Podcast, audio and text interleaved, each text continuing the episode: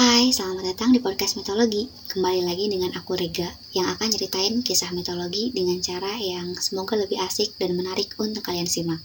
Di episode kali ini, aku akan melanjutkan kisah tentang dua dewa bumi. Dan di episode ini, aku akan menceritakan kisah dari Dionysus. Selamat menyimak.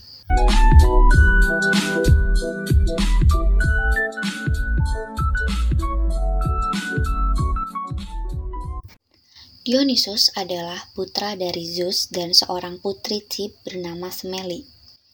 Bisa dibilang Semeli adalah wanita yang nasibnya paling tidak beruntung di antara para wanita yang dicintai oleh Zeus. Dan penyebab ketidakberuntungannya tentu saja adalah ulah dari Hera. Zeus sangat jatuh cinta kepada Semeli dan tergila-gila dengannya. Zeus berjanji akan memenuhi apa pun permintaan Semeli.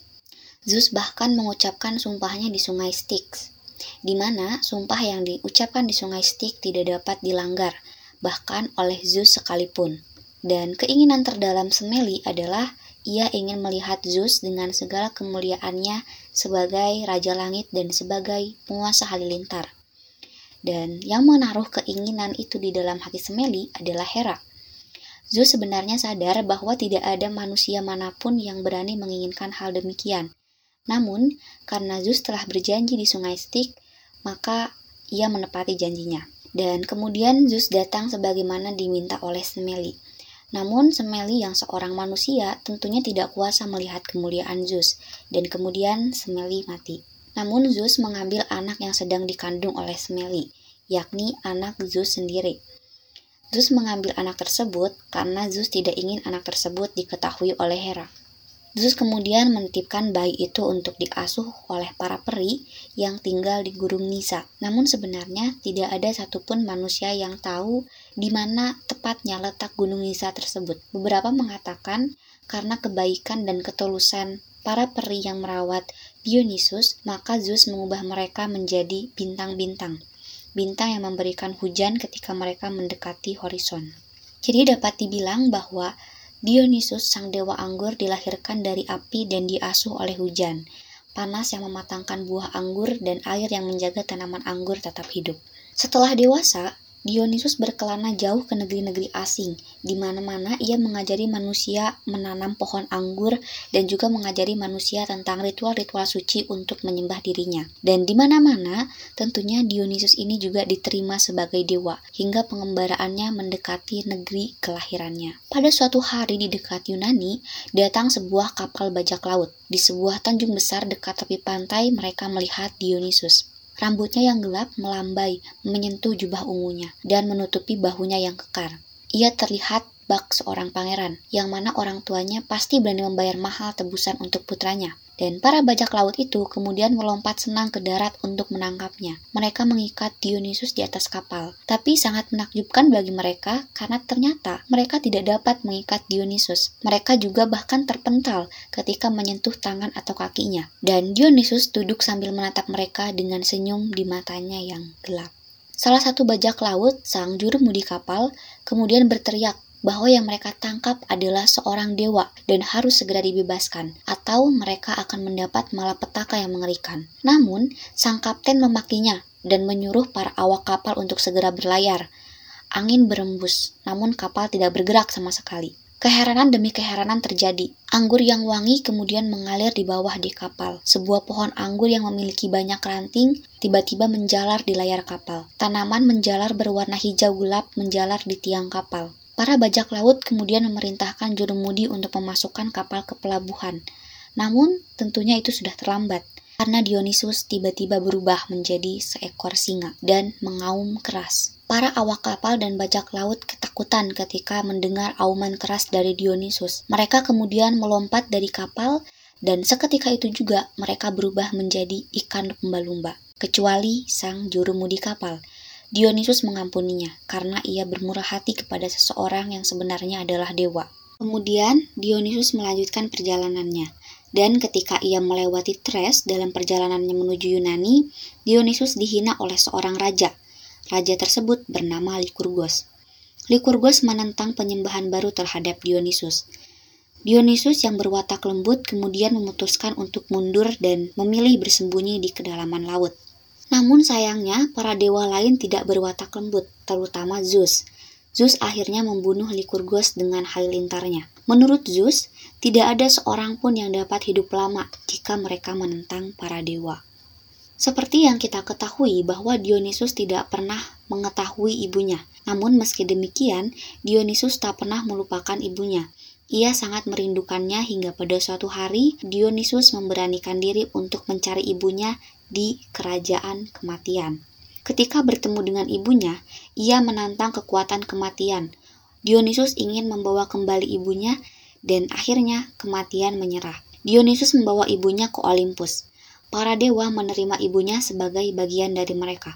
Pemujaan terhadap Dionysus berkisar di sekitar dua gagasan, yakni tentang kebebasan dan kegembiraan yang luar biasa, juga tentang kebiadaban. Sang dewa anggur bisa memberikan keduanya kepada para pemujanya. Sepanjang cerita hidupnya, terkadang ia memberkati manusia, dan kadang ia juga menghancurkan manusia. Dari semua perbuatan mengerikan yang dilakukan untuknya, yang paling buruk adalah di Tip kota ibunya.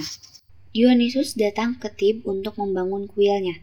Ia ditemani oleh satu kereta yang berisi para wanita yang senang menyanyi dan menari. Mereka mengenakan jubah yang terbuat dari kulit anak rusa dan memegang tongkat sihir. Mereka amat gila kesenangan.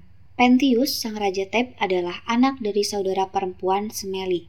Namun ia tidak menyangka bahwa pemimpin sekelompok wanita yang bertingkah aneh itu adalah sepupunya. Ia tidak tahu ketika Smelly mati, Zeus telah menyelamatkan bayi yang ada di dalam kandungannya. Tarian yang liar dan nyanyian kegembiraan dan tingkah laku aneh mereka sangat tidak bisa disetujui oleh Pentius, dan Pentius memutuskan untuk segera menghentikannya. Pentius memerintahkan para pengawalnya untuk menangkap dan memenjarakan mereka. Namun ketika ia mengatakan hal itu kepada Dionysus, ia mendengar suara dari belakangnya yang memperingati. Orang yang kau tolak kedatangannya adalah seorang dewa baru. Ia putra dari Semeli yang diselamatkan Zeus. Ia adalah dewa bumi untuk manusia.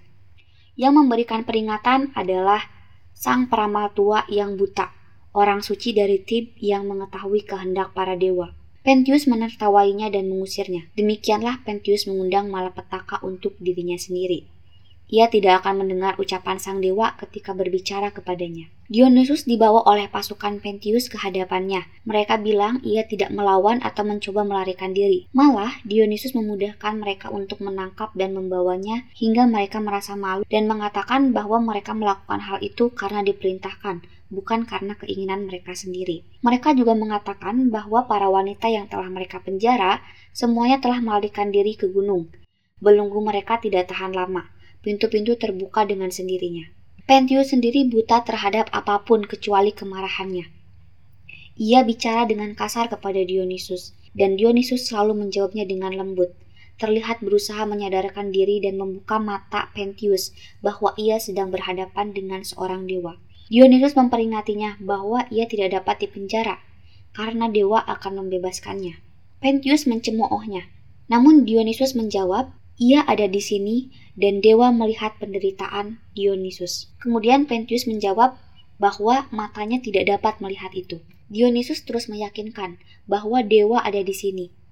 Dan Pentius tidak dapat melihatnya karena ia telah tertutup. Pentius marah dan memerintahkan para pengawalnya untuk memasukkan Dionysus ke penjara. Sambil berjalan, Dionysus berkata, "Kesalahan yang kau buat kepadaku adalah sama dengan kesalahan yang kau buat terhadap dewa." Kemudian ketika Dionysus akan dipenjara, penjara menolak Dionysus. Ia kembali menemui sang raja dan mencoba meyakinkannya untuk menyerah kepada sang dewa. Sang dewa telah memperlihatkan keajaiban-keajaiban dan menerimanya sebagai dewa baru. Tapi Pentius menghinanya dan terus mengancamnya. Dionysus akhirnya meninggalkan sang raja dengan malapetakannya yang sangat mengerikan. Pentius kemudian pergi mencari pengikut Dionysus yang melarikan diri dari penjara ke bukit-bukit.